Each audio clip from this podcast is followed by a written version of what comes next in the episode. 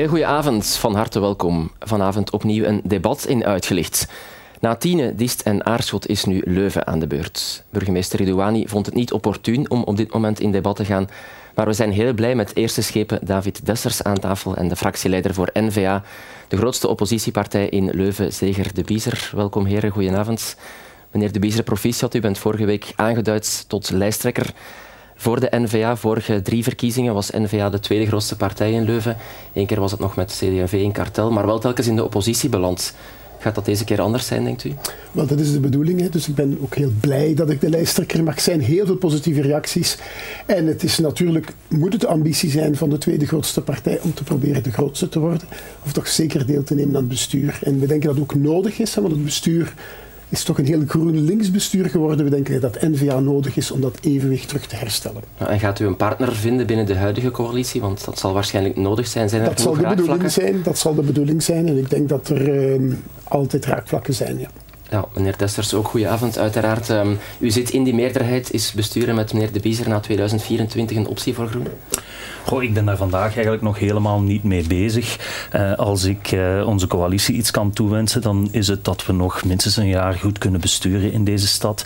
De verkiezingen zijn wat mij betreft nog ver weg, maar desalniettemin wens ik uh, de collega wel te feliciteren met dat lijsttrekkerschap. En ik ken de collega ook als een hele actieve collega, een heel actief gemeenteraadslid. En ik kijk zeker uit naar de debatten die gaan komen. Het is niet zo dat u nu al zegt, laten we gewoon voortdoen met de huidige coalitie als dat kan.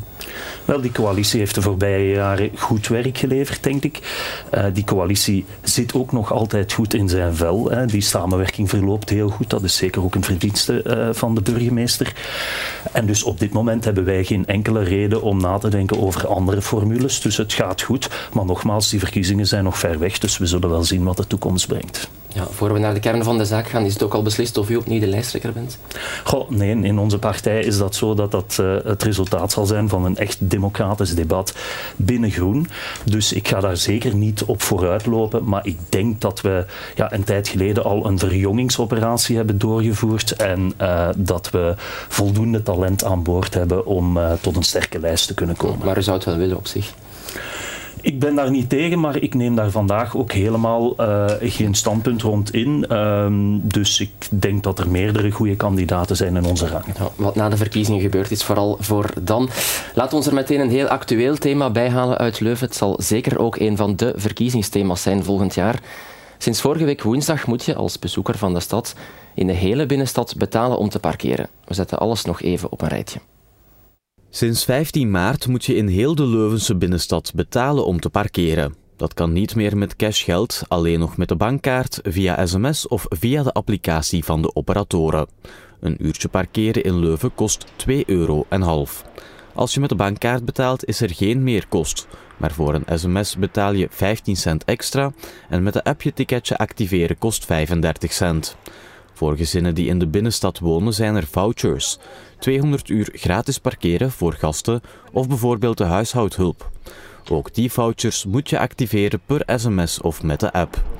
Als die 200 uur op zijn, kan je er wel nog eens 200 bij vragen, maar daarvoor moet je betalen. Meneer Dessers, u liet kort na de uitrol van dat betalend parkeren vallen dat u veel positieve reacties kreeg. Is dat nog altijd zo nu een week ver zijn? Ja, ik denk het wel. Elke aanpassing, uh, dat vergt natuurlijk een tijdje... Uh, van de mensen om daaraan gewoon te worden. Dus ik begrijp dat men nog een beetje aan het zoeken is hoe werken die vouchers nu precies, maar dat gaat wel in orde komen. Misschien moet ik nog eens uitleggen wat de algemene filosofie is van ja, de waarom was het precies nodig om bijvoorbeeld aan de wijnpers betalend parkeren in te voeren? Wel, het is zo dat we in een stad wonen waar er altijd maar meer inwoners, meer studenten en meer jobs zijn. Dat betekent meer mensen die in die stad moeten zijn. Dat betekent ook meer verplaatsingen. En dan moet je twee dingen doen. Aan de ene kant ervoor zorgen dat niet iedereen in de wagen blijft zitten, want dat zou betekenen altijd maar meer wagens. En als we dus niets veranderen, dan rijden we ons letterlijk vast. Maar twee, met altijd meer wagens aanwezig in die stad, kan je ook niet zeggen, ja, iedereen kan goedkoop zomaar overal in die stad een plekje voor die wagen vinden je moet daar beleid in steken. En dus wat we vandaag doen is heel duidelijk zeggen, die binnenstad die willen we eigenlijk voorbehouden in grote mate voor de bewoners. Bewoners die een bewonerskaart hebben gekocht en die zo dicht mogelijk bij huis een plekje moeten kunnen vinden. Um, en door te kiezen voor een betalende zone, zeggen we ook, kijk, bezoekers, daarvan vragen we dat ze zo snel mogelijk de weg naar grote parkings, parkeergarages in de stad vinden. Um, en die zijn er ook in grote getalen. En die zijn vaak ook goedkoper vandaag dan je wagen op straat te parkeren. En dat is de hele logica. Dus we willen beleid steken in uh, dat parkeren. Is dat geen nobel en ook nodig doel om zoveel mogelijk auto's weg te halen uit de binnenstad naar de Biezen? Wel, wij krijgen toch heel wat andere reacties hè, van de Leuvenaars. Ook in mijn luistertour zeg je het aan zeker. Dat gaat dus dikwijls daarover. Hè. De Leuvenaar met een wagen voelt zich niet meer welkom in deze stad. Dus we krijgen eigenlijk een echt anti-autobeleid. Dat gaat dan over minder gratis kwartiertje, extra betalen, hoger tarief. En nu die blauwe zone die volledig betalend wordt, dat was denk ik niet nodig. Die vouchers zijn heel complex, dat horen we zeker van oudere mensen. En dan ja, eerst was het gratis voor uw bezoekers, dan was er een kost. En dan blijkt die kost nog hoger te zijn. Een beetje knullige communicatie. Uh, dus er is heel veel onvrede en ja, de hoofdreden waarom er nu die eh, aanpak nodig is, is dat er te weinig parkeerplaatsen zijn. Men heeft er in de laatste jaren zoveel geschrapt. En dat gaat zo maar door. De Noormannenstraat, Predikerenstraat, nu de Kaboutermanstraat die bewoners, als u daar echt om bekommerd bent, luister daar, die willen hun bewoners parkeerplaatsen houden, maar, maar die worden dan het voordeel hebben, zegt meneer Testers, dat bezoekers daar niet meer gaan staan en dat die naar de randparkings geleid worden. Ja, maar begin dan toch gewoon met te zorgen dat er genoeg parkeerplaats is voor die bewoners. Stop met die parkeerplaatsen te schrappen. Mhm. En voor die bezoekers van die mensen, ja, die moeten dan met die vouchers, dat die, die Leuvenaars krijgen ook bezoek.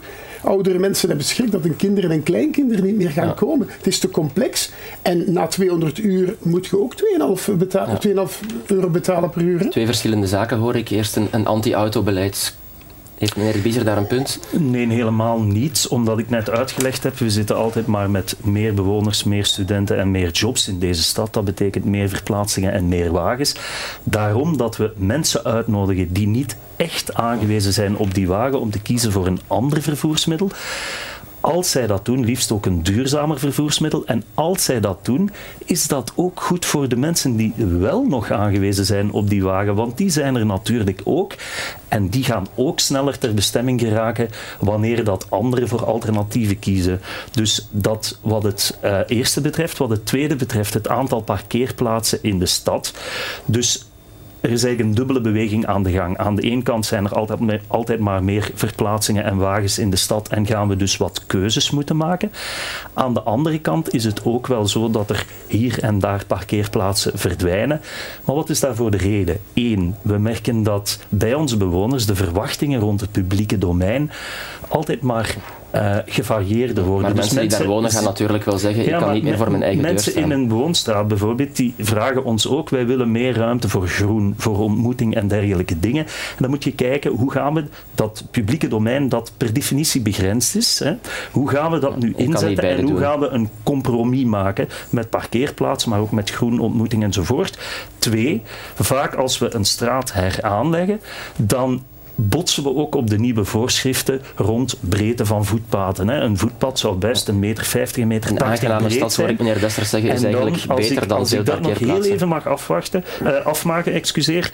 Als je een voetpad wil, waar ook mensen met een rollator, een rolstoel of een buggy terecht kunnen, ja, dan moet dat voetpad breed genoeg zijn en dan stellen we vast dat we af en toe moeten beknibbelen ja. op parkeerplaatsen. Dus je kunt niet en, ja, en, en Als doen. ik nog iets mag zeggen.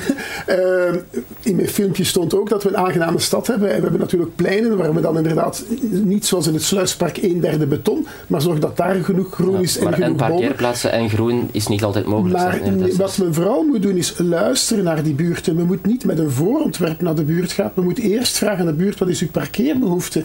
En wat men nu doet in de Kaboutermanstraat... Zou u dan in bepaalde straten wel kiezen voor minder groen en die parkeerplaatsen behouden? ik zou eerst vragen wat is de parkeerbehoefte. En dat is niet alleen de parkeerkaarten. Die mensen hebben ook graag bezoek.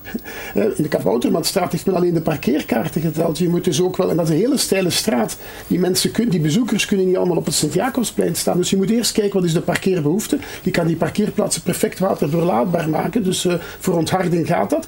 En als er dan plaats is, kan je inderdaad ook nog wel wat groen voorzien. Maar nu doet men het omgekeerde. Men, men vertrekt eigenlijk van, we moeten zo weinig mogelijk auto's in het straatnet nee, hebben. Dat is, dat is helemaal niet waar. Dus we vertrekken zeker vaak, wanneer we straten heraanleggen, van een dialoog met de buurt. Maar we kijken kijken ook niet alleen naar wat wil de buurt. We gaan ook gewoon parkeerdrukmetingen uitvoeren, omdat in die straten vaak ook bezoekers de wagen uh, kwijt willen geraken.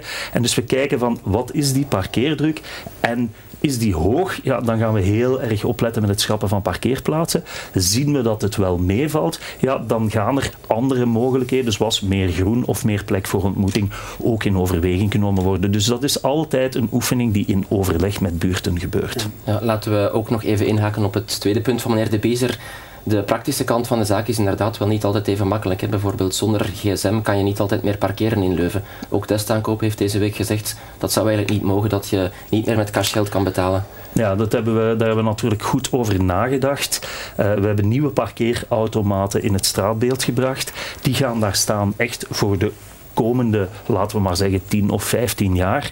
En dan was de vraag, gaan we daar nog met muntjes werken? Maar schrikt u oudere mensen zo niet af? Wel, ik wil er toch uh, de nadruk op leggen dat je ook aan die nieuwe parkeerautomaten uh, op een hele eenvoudige manier met je bankkaart een betaling kan doen. Dus je moet gewoon het kaartje even voor die uh, parkeermeter houden en het is gefixt. Dus de idee dat je een gsm met internetverbinding nodig zou hebben, nee, dat is niet waar.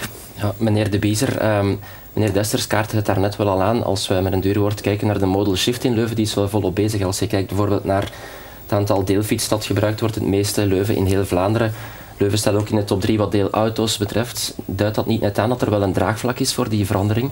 Weg van de auto? Wij, wij zijn niet tegen een modal shift, hè, maar wij vinden dat je dat moet aanbieden, dat je moet mensen belonen en dat je niet moet beginnen met eerst de auto weg te duwen. Dus we zouden het gewoon omgekeerd doen. Dus het uiteindelijke resultaat willen we ook bekomen, maar we zouden het op een vriendelijkere, uitnodigende manier doen in plaats van het op een bestraffende manier doen zoals het nu gebeurt. Ja, maar veel mensen willen toch overschakelen op alternatief Ja, absoluut. Maar wat die deelfietsen betreft, het is zo dat we een hoog aantal blue bikes hebben en er komen er nog wat elektrische bij, heb ik gelezen. Maar wat wij niet hebben, in tegenstelling met veel andere centrumsteden, is een gewoon deelfietssysteem waar je je fiets op verschillende plaatsen in de stad kan brengen. En dat is eigenlijk onbegrijpelijk in een stad die naar een shift, dat we zo geen fijnmazig deelfietsensysteem ja. hebben op dit moment. Zijn er nog plannen om dat uit te breiden? Zeker en vast. Hè. We hebben in de afgelopen periode uh, meer dan 40 MOBI-punten in het uh, leven geroepen. Dat zijn plekken waar we deelmobiliteit op een geclusterde manier aanbieden. Dus een deelwagen, een deelfiets, soms in combinatie met het openbaar vervoer en zo, zodat je de overstap kan maken. Recent stond nog in de standaard dat van de 59 MOBI-punten in heel Vlaanderen er meer dan 40 in Leuven zijn. Dus ik denk wel dat we kunnen zeggen dat we daar aan het pionieren zijn, dat we daar vooruit lopen. Maar wat mij toch uh, bijzonder opvalt, is dat bijvoorbeeld deelwagens enorm in de lift zitten in onze stad. We hebben nu meer dan 200 deelwagens op 67 locaties in Leuven. En wat opvalt is, het aantal gebruikers zit in de lift. Op één jaar tijd, nu het laatste jaar, zijn er 1000 gebruikers bijgekomen. We gaan nu richting de 5000 autodelers in onze stad. Als je dan weet dat uh, zo één deelwagen in een stedelijke context 10 tot 12 private wagens kan vervangen, ja, dan weet je dat dat echt heel belangrijk is om die maar transitie te maken. Mee eens met die analyse, zag ik al. De, de deelwagens, daar ga ik volledig mee akkoord. De MOBI-punten of de HOPIN-punten, daar heb ik recentelijk een antwoord gekregen hè, op een schriftelijke vraag. Dat was een Europees project waar blijkt dat de kwantiteit van die MOBI-punten in Leuven heel hoog is, maar de kwaliteit toch vragen oproept. Normaal willen mensen een soort voorstadsparking waar ze met een wagen toekomen en, en kunnen overstappen op een deelfiets. Dat, dat hebben wij niet. Nu blijken dat gewoon plaatsen te zijn waar een cambio staat, waar een elektrische bakfiets staat. Ik ken heel weinig mensen die met een auto ergens toekomen en dan overstappen op een elektrische bakfiets. Oké, okay, maar het punt is duidelijk, denk ik. Om af te ronden wil ik het mm. graag nog over één andere zaak hebben. Onder meer heel belangrijk voor de mensen in Kesselo. Dat is die studie die momenteel loopt, een uh, tunnel of een verbinding die er zou komen tussen de Tiense en de DIS-systemen. Onder meer uw partij heeft daar op Vlaams niveau voor gepleit, meneer De Biezer. Theo Franke zei hier ook al in de studio dat hij dat zeker wil onderzoeken. 2 miljoen euro kost zo'n studie. Is dat geen weggegooid geld? Wel, 2 miljoen euro is veel, hè? maar u weet dat er een probleem is met zuidverkeer en dat die circulatieplan van Kesselo wou er iets aan doen, maar duwt eigenlijk het verkeer dan weg naar de buurgemeente. Dus die, uh, dat er een onderzoek komt of een tunnel een oplossing zou kunnen zijn, ja, dat steunen we. Maar natuurlijk zullen we moeten kijken naar de haalbaarheid, naar de impact op het milieu en naar de prijs. En daarvoor doe je een onderzoek. Nu, 2 miljoen. Er worden hier uh, nog bedragen in Leuven uitgegeven. Denk aan die 600.000 euro voor die torenspits. 7 miljoen euro die men ophaalt bij de mensen met ANPR gasboetes. Dus dan uh, is, zijn die bedragen toch wel wat relatief. Maar op zich hoor ik u wel zeggen, het is te veel geld. Ik, ben geen expert hè, in die materie om te zeggen hoeveel kost zoiets en wat gaat men er juist mee doen. Dus daar ga ik mij niet over uitspreken. Maar dat er een onderzoek moet gebeuren of te kijken of dat een oplossing zou kunnen zijn, ja, dat lijkt me wel logisch. meneer Dessers Groen heeft altijd gezegd, het is inderdaad weggegooid geld. Welke andere ingrepen ziet u nog om iets te doen aan het sluipverkeer in Kesselo? Daar is ook een circulatieplan natuurlijk ondertussen. Er is een reële problematiek van sluipverkeer tussen de twee snelwegen, E314 aan de ene kant, E40 aan de andere kant. Er zijn heel veel realistische oplossingen. Ik denk aan het station in Haasoude. Ik denk aan, wordt ook al tientallen jaren over openbaar vervoer in eigen bedding op de uh, steenwegen, op de invalswegen. Ik denk aan uh, fietssnelwegen, fietsinfrastructuur en dat soort van dingen. Dat zijn de realistische oplossingen. Die tunnel iedereen moet zich dat eens inbeelden, dan zou je van op de expressweg een tunnel moeten beginnen boren, die dan moet bovenkomen ergens ter hoogte van de Tiense Steenweg, om dan terug onder de huizen van Kesselo naar de E314 uh, te gaan. Wel, als u het ons vraagt, is dat uh, niet alleen onhaalbaar, het is ook onwenselijk, peperduur, in onze ogen een fata morgana die er nooit zal komen. Oké, okay. dank u wel in elk geval voor uw komst naar de studio vanavond. David Dessers en zeker de Biezer. Graag gedaan. En u bedankt voor het kijken. Graag tot volgende week. Dan zit Dries terug op deze stoel met nieuwe en interessante gesprekstof. Maak er nog een fijne avond van.